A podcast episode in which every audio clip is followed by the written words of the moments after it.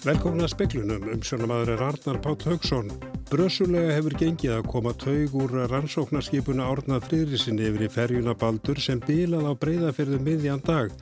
Draga á Baldur til hafnar í Stikkirsólmi í kvöld. Livjastofnun Evrópu dregur í Eva að tengst séu milli blóðtapa og bólusetningar með bóluefni frá AstraZeneca. Nótkun þess var hætt tímabundi í dag hér á landi og víðar en niðurstuður rannsóknarstofnunarinnar liggja ekki fyrir fyrir í næstu vikum. Sérfæraðingur á Veðurstof Íslands segir ekki hægt að útloka að kvíkugangurinn við Fagradalsfjall stækki áfram til suðu svo að það komi sprengigós út í sjó. Vegna ákvarðunar um að hætta að bólusetja með bólefni frá AstraZeneca verður að fresta bólusetningu 2000 einstaklinga með undirleikjandi sjúkdóma í næstu vikum. Við byrjum í stikkisholmi þessar stunduna að vera að reyna að koma taug út í breyða fjárðaferjuna Baldur, taka verðu ferjun í tóg eftir að vél hennar bílað á breyða fyrir í dag. Og Elsa Maria Guðlugs, drífudóttur fréttamaður, er á kæjanum í hólminum. Já, Elsa, hvernig er staðan og er búið að koma taug út í skipið? Árni Fridriksson er komin að ferjunni. Það er eitthvað búið að ganga erfilega að koma taug í skipið og ekki búið að því þannig að við bara fylgjumst með því hvernig þetta fer allt saman á næstu mínutunum. En veist þú hvað bilaði í dag? Já, þetta er sem sagt turbína í vélinni, það er bara ein vél í baldri og þetta er reyndar sama turbína og bilaði í ferjunni þegar hún bilaði í fyrra og, og var þá biluð í tvær vikur. En ef að taugin kemst í, út í baldur núna bráðum, hvenar er áallega að skipi komi til hafnar? Ég var að tala við það hjá sæferðum sem að reyka ferjuna og það á að fara bara mjög varlega með það að eh, toga ferjuna í land þannig að þetta eru alveg þrýr eða fjóri tímar sem það eftir að taka og það er mjög slæmt veður líka, það er hátt í átján metrar á sekundu út að breyða fyrir þig og, og bara erfiðar kringumstæðir þannig að það er um að gera að hafa varan á. Þannig að það er nokkuð langt í að skipi komið. Já, en þetta var auka ferð vegna þess að Klettsháls var lokaður og færðin slæm og þá er þetta eina leiðin frá sunnaverðin vestfjörðin til annara landslita en við rættum við farþega í dag, hann Einar Svein Ólafsson sem er verksmiðstjóri Kalkþörnungafélagsins á Bildidal. Ef það ekki tekst ofna Klettsháls þá verður lagsafsláturinn stöðu sko, stöðu þetta til að kletta á soknar. Þannig að, að þetta er áfall fyrir aðfylgið á svæðinu. Nú verða sveitustöðnamenn og þeir sem ráða ríkjum þeirra verða að stappa niður og segja og hring strax. Þetta er annars skiptið sem að skipið bílu. Þetta er sama, við styrum sama sömu bílun sko. Tók nokkra vikur síðast og núna yfir hávetturinn þá er þetta lífaðin fyrir sunnöðurvestir til þess að geta haldið aðtunlifi og lífunu gangandi. Vatn og vistir fyrir íbúana. Og þetta var einar Sveitn Ólásson. Niðurstöðu Lífjastofnunar Evrópu um tengsli bóluefnis AstraZeneca og mögulegra aukaverkana eiga líka fyrir næstu viku. Bóluefni Janssen hefur fengið grænljós hérlendis frá Lífjastofnun. Ákveð hefur verið að stöðva bólusetningu með efni AstraZeneca tímabundi hér á landi eftir að það var gert í Danmörku að hluta til í Austuríki í morgun. Þar fekk fólk blóðtappa í kjölfar bólusetningar en er Livjastofnun Evrópu rannsakar nú hvort tengst séu þarna á milli en stopnunum telur það ólíklegt. Rúna Hugstóttir er forstjóri Livjastofnunar. Þeir eru bara að fara yfir allt sem hefur verið sendt inn. Sko það hafi ekki verið tilkynnt nema 30 tilfelli af sko 5 miljónum uh, skamta Uh, Svolítið að það á að fara yfir það hvort það sé mögulega eitthvað samingið þarna eða, eða ekki. Þeirra nýðustöður muni líka fyrir í næstu viku, líklega líka fyrir setnipast næstu viku. Svo það er það sem við erum að horfa til. Livjastofnun veitti bólefni Janssen markaslefi hér á landi um fimmleiti í dag. Nákvæmlega hvernar afsendingin á bólefninu verður veit ég ekki þar um þau sem semja um kaupin en ég gerir kannski ekki brátt fyrir að verða fyrir inn í apríli. Það kemur náttúrulega fljótlega núna aðfendingar áallin öruglega eftir að markasliðið komið í allir Evrópu. Einungis þarf eitt skamt af efni Janssen til að fá vörd gegn veirunni en tvo skamt að þarf að bólefnum Pfizer og AstraZeneca. Þetta er náttúrulega uh, tölvest nýtt í, í þessu öllu saman og líka er þetta náttúrulega það bólefni sem Íslandika voru búin að tryggja sér hvað flesta skamta eða 235.000 skamta svo sjálfsögur er þetta uh, ánægileg tíðindi. Sagði Rúna Haugstóttir, yngvar Þóru Björnsson rætti við hana og það veri fjalla meirum bólusetningar síðar í speiklunum og þá rætt við Ragnheiði Ósk Erlendstóttur.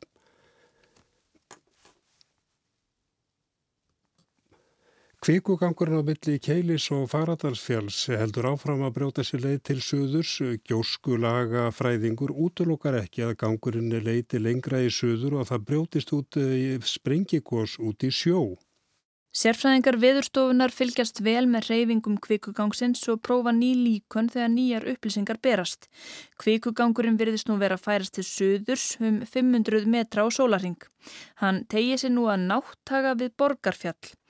Bergrún Arna Óladóttir, gjóskulagafræðingur og viðstofu Íslands, segir að líklega sé talið að það gjósi þar. Ég myndi halda að veri líklegt að það myndi reyna að koma þar sem veri minnst fyrirstaða en það er, það er erfitt að segja nákvæmlega hvar það mun koma upp og, hérna, og þó við séum við fullt af góðum mótilum og, og sjó, þó við séum að reyna að fylgjast með þessu þá verðum við bara að vera tilbúin að taka stafið það sem að bara að höndum ber. Þannig sé ekki eftir að útiloka að gangurinn færist áfram til suðurs og það komi sprengigós út í sjó. Það myndi þó ekki gerast fyrirvara laust. Við myndum þá geta fylst með því ef að gangurinn er farin að hérna, færa sig uh, nær sjónum þá, hérna, þá fer svo sviðsmynd að verða sterkari inn í öllum viðbröðum. En þánga til það gerist þá skulum við bara hérna, einblýna á við erum ekki eins og komið með eldgós þannig að við skulum ekki hérna Sæði Bergrún Anna Óladóttir, Arnildur Haldunadóttir rætti við hana. Kom á uppu hundra römpum í ár við verslanir og veitingarstaði í miðborgar Reykjavíkur svo að fólk í hjólastólum geti tekið þátt í miðborgarlífinum. Haraldur Þorleifsson, fórsprakki verkefni sinns, römpum upp Reykjavík, segir að styrkir verði veittir fyrir alltaf 80% kostnaðar. Fókus er að fyrsta miðbæinn í Reykjavík og síðan ætlum við bara að halda áfram. Borgin okkar er alltaf að vera fallar og fallari en það eru því miður þá eru svona þessir skemmtilegustu hlutar af borginu og svolítið gamlir og það er þarf að taka svolítið átakið í að, að laga húsin þannig að, að fólk sem er í hjólstólum getur komist inn og verið með og tekið þátt í samfélaginu. Getur þú svona dreyið smá mynd fyrir okkur hvernig þið er að komast ekki að þanga sér langar og, og svona? Það sem gerist hægt rólega hjá fólku það sjálfur er að þú svona ferði eiginlega útlökaði sjálfur þú ferði það að, að svona, láta þér ekki svona dætt í huga að fara að gera eitthvað. Það svona kikkar inn bara eitthvað svona varnaviðbröð og þá fer fólk bara í það einangur sér sjálft og, og komast ekki inn. En þegar fólk reynir að komast inn og kemst ekki inn þá er þetta alveg ótrúlega sárt. Sérstaklega þú ert kannski búin að ákveða að fara að hitta vini eða fjölskyldu eða, eða gera eitthvað með einhverjum. Svona að vera kannski spennt eða spenntur allan daginn og síðan kemur á staðinn og það er bara ekki hægt að komast inn. Þetta var Haraldur Þorleifsson, Kristín Siguradóttir talaði við hann. Sérfæraðingur mannréttinda stofnar saminuð þjóðan í málöfnum Myanmar segir sannanir hlaðast upp um að herrstjórnið þar fremji glæpi gegn mannkinni með gengdarlausu óbeldi gegn líðræðisinnum í landinum. Hún hafi myrta minnstakosti 70 manns frá því hún rændi völdum 1. februar. Sérfræðingurinn Tómas Andrjús flutti mannréttindastofnuninni í dag skýrslu sína um ástandið í Myanmar. Hann sagði að myndskeið síndu gengdarlaus áfbeldisverk gegn landsmönnum á nóttu sem degi. Þessar sannanir leitu í ljós að morðóð ólögleg stjórn væri þar við völd. Andrew sagði að augljósar sannanir væri fyrir því að ofbeldi gegn líðræðið sinnum væri útbreytt og því væri beitt kerfisbundið. Vísbendingum fjölgaði sífæltum að herin sem jafnframt færi með stjórn landsins væri líkast til að fremja glæpi gegn mannkynni that this same Myanmar military, led by the same senior leadership, is now engaging in crimes against humanity. Morð væru framinn, sagðan, fólk látið hverfa og fangar væru pindaðir. Að minnstakosti sjö fjallu í Myanmar í dag þegar skotið var á fólk sem mótmælti valdaráninu. Öryggisráð saminuð þjóðana samþykti samhljóða í gærað fordæma aðgerðir hersins. Þá sendi Amnesty International frá sér yfirlýsingu í gær þar sem segir að minnskeið líðræði sinna síni að öryggisveitir fremji skipulögð fjöldamorð á almennum borgurum. Áskir Tómasson saði frá. Ríkistjónur ætlar að verja 215 miljónum króna á næstu þremur árum til að styðja við atunlíf á seyðisfyrði vegna skriðu falla í bænum í desember. Sigurður Ingi Jóhansson, samgöngu og sveitar stjórnar ráþeram, undirritið á seyðisfyrði morgun samkómulag við múlabyggð um uppbyggingarverkefnið. Minni fyrirtækjum verðum bóðin er ekstra ráðgjöf og stutt við nýsköpun og þróun atvinnutækifæra í bænum. Frangatastjóri hjúkurnar á heilsugjenslu höfuborgarsvæðisin segir ákvarðun um að hætta í byli að nota bólefni frá AstraZeneca sé áfall. Fresta verði að bólusetja 2000 einstaklinga með undirleikjandi sjúkdóma í næstu vikum. En nú eru leginir rúmlega tveir mánuður frá því að byrja að vara bólusetja við COVID-19 hér á landi. Þorleifi hugsinni, rúmlega 60 íbúa á hjúkurnaheimilin og selja hlýði breyðholt í Reykjavík, hlottnaði sá heiður að fá fyrstu spröytuna. Þetta var bara eins og að fá influensuspröytu. Þetta er bara eins og ég fengi stærstu jólagjöfina. Sagði Þorleifur Haugsson þegar hann fekk fyrstu COVID-sprautuna klukkan 10 árdegis 29. desember og kendi sér einskins meins. Það var hins vegar hinn nýreða breska Margaret Kínan sem fekk fyrstu sprautuna við COVID í skipulari bólusetningu fyrir almenning á heimsísu í byrjun desember. Í dag hafðu 12.763 verið full bólusettir hér á landi og 20.526 hafðu fengið fyrri sprautuna. Ragnæður Ósku Erlendstóttir, frangvandastjóri hjúgrunar á heilsugjæslu höfuborgarsvæðisins, hefur staði í brúni og verið með í að skipulegja bólusetningarnar. Þegar vitaliði var ákveðið við Ragnæði var ekki búið að gera hlýja á bólusetningum með bóluefninu frá AstraZeneca. Hún segir að þetta sé áfall. Þetta eru náttúrulega nýtilkomnar fréttir voru bara að berast núna í morgun til okkar að það er því stoppað og það er því allavega stopp núna í tvær vikur fengum við upplýsingar um meðan að væri verið að kanna þetta betur. Þetta hefur þau áhrif að við e, þurfum þá að fresta, við vorum búin að plana stóran bólusetningadag næstkomandi miðugdag fyrir e, fólk með undirlikjandi sjúkdóma, 64 ára og yngri, þannig að nú þarf þessi hópur að fara á byggð og við verðum þá minnum halda áfram aldursbólusetningunum og í næstu viku þá þriði daginn erum við að bólusetja þegar árganga 43 og 44 væntalega. Þannig að það hefur svo sem engin áhrif á, á þann að því það er fæsir en allar þessar, öll þessi plön varandi astra bólefni verður að fara hold í bíli. Veistu hvað það hefur áhrif á marga og hvað já, þið eigi mikið af AstraZeneca bólefni? Við vorum núna allavega í næstu viku, vorum við með plan upp á 2000 skamta sem átt að fara þennan miðugudag og svo veit ég svo sem ekkert næstu viku eða næstu viku þar á eftir hvað var í plönunum að því við fáum alltaf bara að vita eiginlega viku fyrir viku hvað við fáum mikið efni. En óttast þú að þetta atvik eða það sem er að gerast með AstraZeneca að hafa einhver leiti fyrir utan það að fresta bólusetningum, já neikvað áhrif bara almennt á fólk? Það gæti verið, það var svo sem við vorum svolítið sem að eiga við svona orðrómum að Astra væri ekki jæfn gott bólefni og, og Pfizer og Moderna. Þannig að við vorum svolítið að vinna í því að, að, hérna, að tala Astra efnið upp. Þannig að þetta auðvitað var þetta þá ekki gott að fá þetta núna. Þannig að það verður hugsanlega enn meiri tortrygni gagvart þessu efni. Hvers vegna hefur þessi tortrygni verið gagvart AstraZeneca? Nú hefur komið ítrykka fram að bæði þjóðverðir og frakkar þeir eru reynilega í erfileikum með að, koma efninu út. Verður þið verið eitthvað svoleiðis? Ekki svo mikið. Við höfum það reyndar best til okkar mikið erindum og fólk er að spyrja hvort það getur valið um bólefni en það hefur aldrei verið í bóði hjá okkur að velja bólefni.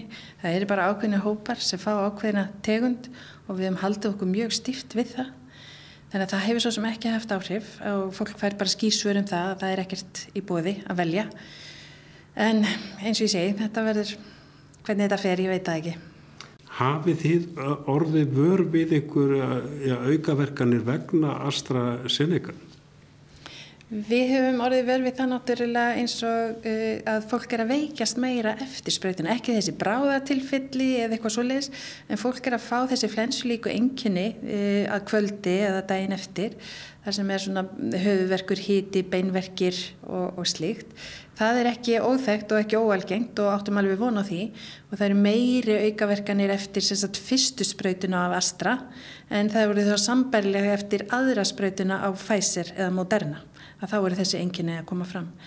Þannig að það hefur, við höfum alveg verið meðvituð um það og, og meðal annars breyttu við þá að því að það, fyrst þegar vorum að bólusetja með Astra þá lendu hjúgrunar heimilinni vandræðum með sitt starfsfólk að því að það eruði svo mörg veikindi hjá starfsfólki daginn eftir og þá þurftum við svona að breyta því að, að skipta þessum hópum niður í minni hópa og bólusetja e, sem að þú ferðin það yfir á föstu dag þannig að fólki geti svolítið verið bara helgar fríin sína að taka þau í þetta en jú, vissulega eru þessi enginni en engin alvarlegri enginni höfum við heyrtum með Astra En þrátt fyrir þetta þá halda bólusetningur áfram og ég spyrði, já, hvernig hefur þetta gengið? Þið byrjuðu 29.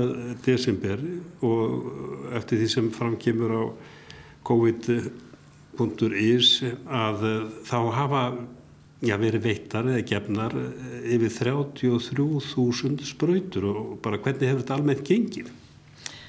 Ég held að þetta hefur bara gengið mjög vel og, og í alla staði. Þetta var alveg e, svona krefjandi verkefni að taka stáfið og í byrjun bæði allt hvað snertir bóluefnin sjálf, þetta er náttúrulega þrjár tegundir sem við erum komið með núna að vinna með Eh, öll með sitt hverju sniði, hvernig skuli blanda og, og miklar tilfæringar við það hvernig skuli umgangast efnið og, og blanda það og, og síðan gefa það og þetta eru stuttir tímarammar sem við höfum til að gefa efnið. Þannig að við höfum þurft virkilega að leggja okkur fram við allt verkla hvað það var þar og síðan þegar það kemur á bólusetningunni sjálfurri að geta bólusett sko stóra hópa í einu að þá hefur við alveg þurft að, hérna, að hugsa það vel og vandlega og núna þegar við erum komin í svona stóra hópa þá fengum við til liðs við okkur eða semst fórum við líka gegnum aðgerastjórn uh, almannavarna hér á höfuborgsvæðinu þannig að slökkvilið kom að þessu með okkur og lögreglan. Og það var mikið til bóta og til hjálpar að þá kemur allt svona þetta stóra skipilag inn og þá getur við ákasta mjög mörgum í einu. Og, og þannig ég myndi eiginlega að segja þessi svona vél, svona bólusetningavél sem við erum svona komið með í gang núna, bæði hvað verða blöndunina og hvernig við gefum síðan bólefnið, að það er orðið mjög gott. Þannig að núna erum við svolítið hérna orðin óþrjöi full eftir því að við viljum bara fá meira efni. En hvaða vandamál koma upp ef að svo má segja? Ekki mörg vandamál held ég sem komu upp, þetta hefur gengið eins og séu ótrúlega vel. Einna helsta sem að ég myndi vilja nefna var náttúrulega þarna í eitt skipti þegar við áalluðum kannski e, ofstóran hóp og bóðum ofstóran hóp til okkar. Við áttum ekki efnið, þau erum upp í skroppa með efni en á móti kemur að þá erum við alltaf að vinna með það að reyna, við erum með mjög stórar tölur, e, fleiri sko þúsundir e, sem við erum að, vinna með og reyna áallega upp á hverju einustu spröyti, það má ekkert verða eftir í afgang af því að það má ekkert fara til spillis. Og efni er þannig að leiðast búin að blanda það að þá verður að nota það innan ákveðins eh, klukkutíma, skiliru þannig að, að það er stóra áskorunin og yfirleitt alla daga hefur þetta gengið vel nema þennan eina dag, þá gekk þetta ekki. Og það verður þannig í framtíðinni að við munum þegar við erum að búða svona heilu árgangarna og svona stóra hópa að þá munum við stilla í þannig upp að við verðum alltaf að yfirbóka og það verða þá alltaf einhverjir sem að e, fá ekki efni. En það sem við erum að reyna að gera núna þá að stýra í þannig að þeir sem við búðum síðast til okkar séu í þann, þannig hópum að, að það kom ekki ílla við fólk. Það er vest þegar það, það lendir á öldruðum þannig að það viljum við ekki láta endur taka sig. En þið eru uppi skorpa með efni, er ekki líka að segja þið kannski blandu mikið og eitthvað farið til spillis, hefur eitthvað farið til spillis? ekki einn einasti skamtur en við hefum oft, við hefum þurft að leggja okkur alveg í líma uh, marga daga við að reyna að koma út uh, þessum skamtum sem eru þá blandaðir umfram ef að fólk mætir ekki til okkar. og þá er það áskorunin að efnið farið mitt í réttan hópa því að við erum ekki að fara í kringluna og dreifa efni eða, eða út um borg og bí þannig að það hefur verið virkilega áskorun að koma efnin í, í rétta hópin að finna aldraða eða eða heilbriði starfsmenn eða þá sem við erum að bólusýta hverju sinni. En hafið þið eitthvað yfirleitt yfir eftirkvörst eða hliðarvirkanir vegna bólusetningar? Við, það er, náttúrulega er bara skráð, allar hérna, all þessi tilvík eru skráð á, á Lífjastofnun. Við þurftum að skrá, við höfum bara fengið eitt bráð tilvík hjá okkur og annars höfum við alveg hérna, sloppið með það Eh, þannig að þau eru mjög sjálfgef þessi bráðatilvík en við erum samt alveg viðbúin og við erum með alltaf þá sjúkraflýtningamenn á staðnum, hjúgrunafræðinga og lækna þannig að við erum alltaf viðbúin slíku. Það er ekki verkaringa heilsugjastlunar að semjum kaup og afhendingu á bólefnum til landsins. Það hefur komið fram í speiklunum að í þessu mánuði séu til er ástöfuna 93.000 skamtar af bólefni. Óvisa er um april, mæ og júni eða annan ásfjörðung. Einan sem er klárt er að hinga að koma um 36.000 skamtar frá Pfizer í april og um 6.000 frá Moderna. Annað er ekki fast í hendi. Vonir eru bundar við bóluefni frá Janssen sem fekk eh, markaðsleif í dag. Stjórnvöld hafa gengið út frá því að búi verða bólusetja um 190.000 landsmenn fyrir júni í log. En er Ragnæður Björnsín á að það takist? Ég ætla bara að lega mér að vera eins Björnsín og, og það nær. E, við hefum bara tapið okkur það, við vinnum bara eina viku í einu og vinnum þetta bara svona hægt og rólega og, og bítandi. Um, þetta er algjörlega háð fyrir magni sem við fáum hverju sinni í hverju viku en við treystum okkur að mæta þeim áskorunum sem að koma til okkar varandi fjölda á bólefni og teljum okkur alveg geta það en, en eins og ég segi það, við værum alveg til í að sjá meira magni í, í svona afhendingar áallunum og, og annað slíkt en verðum við ekki bara að treysta því að þetta gangi upp. Þetta var eh, Ragnhildur Ósku Erlendstóttir og við getum satt á því að búið er að koma taug yfir í ferjuna Baldur sem er með bilaða vela á meðjum breyðafyrði.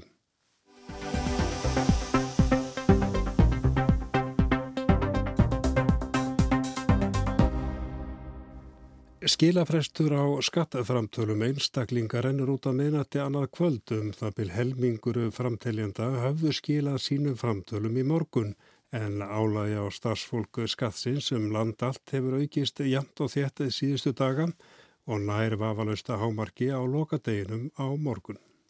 Vegna COVID-regluna er leiðbynningaþjónusta ríkiskastjóra eingöngu símleiðis eða í gegnum tölvupóst. Framtalskílin eru rafræn og allar helstu upplýsingar eru forskráðar, en samt þarf almenningur að hugað einu og öðru áður en framtalinu er skilað.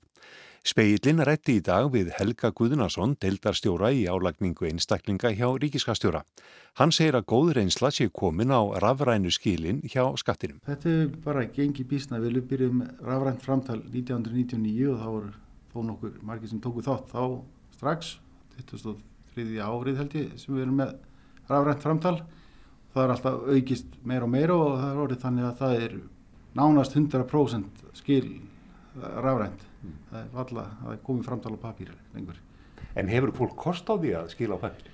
Já það er svona einstök tilvík sem að fólk þarf að skila framtala á papír og, og við tökum við þessum örf fáu en það er samt sumi sem skila á papír og við þurfum að, að hafa samband við og fá rafræn skil í staðina því að papírsamtalið er ekki með öllum möguleikum og allir í leiðsögn eins og í rafræna framtalinu. Nú skildi maður rætla að ég kannski elsta kynsluðin að þetta væri kannski svo litið snúið fyrir, fyrir hana en hefur hún tekið vel við? Já, það er allir, elstu kynsluðin skilja rafrænt, það er bara ekki til papirsamtal frá, frá elstu kynsluðin. Hvernig hafa skilin verið hinga til? Já, núna klöðan tíu morgun vorum við um 50% sem er á skattgrunnskrá búinir að skila, vorum 155.000 framtöl komin og við hefum ekki vona um, um 70.000 framtölum fram til loka skilafress í viðbót. Þannig að það eru margir sem að nota síðustu dagan í þetta? Það, það er svolítið um það, en það er allt í lægi, menn, menn þetta er kannski þjóðarandin að skil, vera á síðustu stundum með eitthvað. En, en, en þið veitið yngar fresti núna eins og þið hafið alltaf gert. Hvers vegna er það? Það var ákveðið bara að hafa síðasta skiladag, já blangan og fresturinn var í fyrra, þrýr dagar, þannig að skilafresturinn var í fyrra til 10. mars og, og, og maður gæti fengið framlegða fresti 13. sem var þá fyrstu dagur og við bara ákvaðum að vera ekkit að halda utanum eitthvað svona kerfi og bara gefa öllum frest til, til loka þessa fyrstu dags eftir að framtalskil opniði. Nú er, eins og áður hefur komið fram, það er eiginlega mest allt forskráð á framtalið. Er fólk mikið í því að breyta því?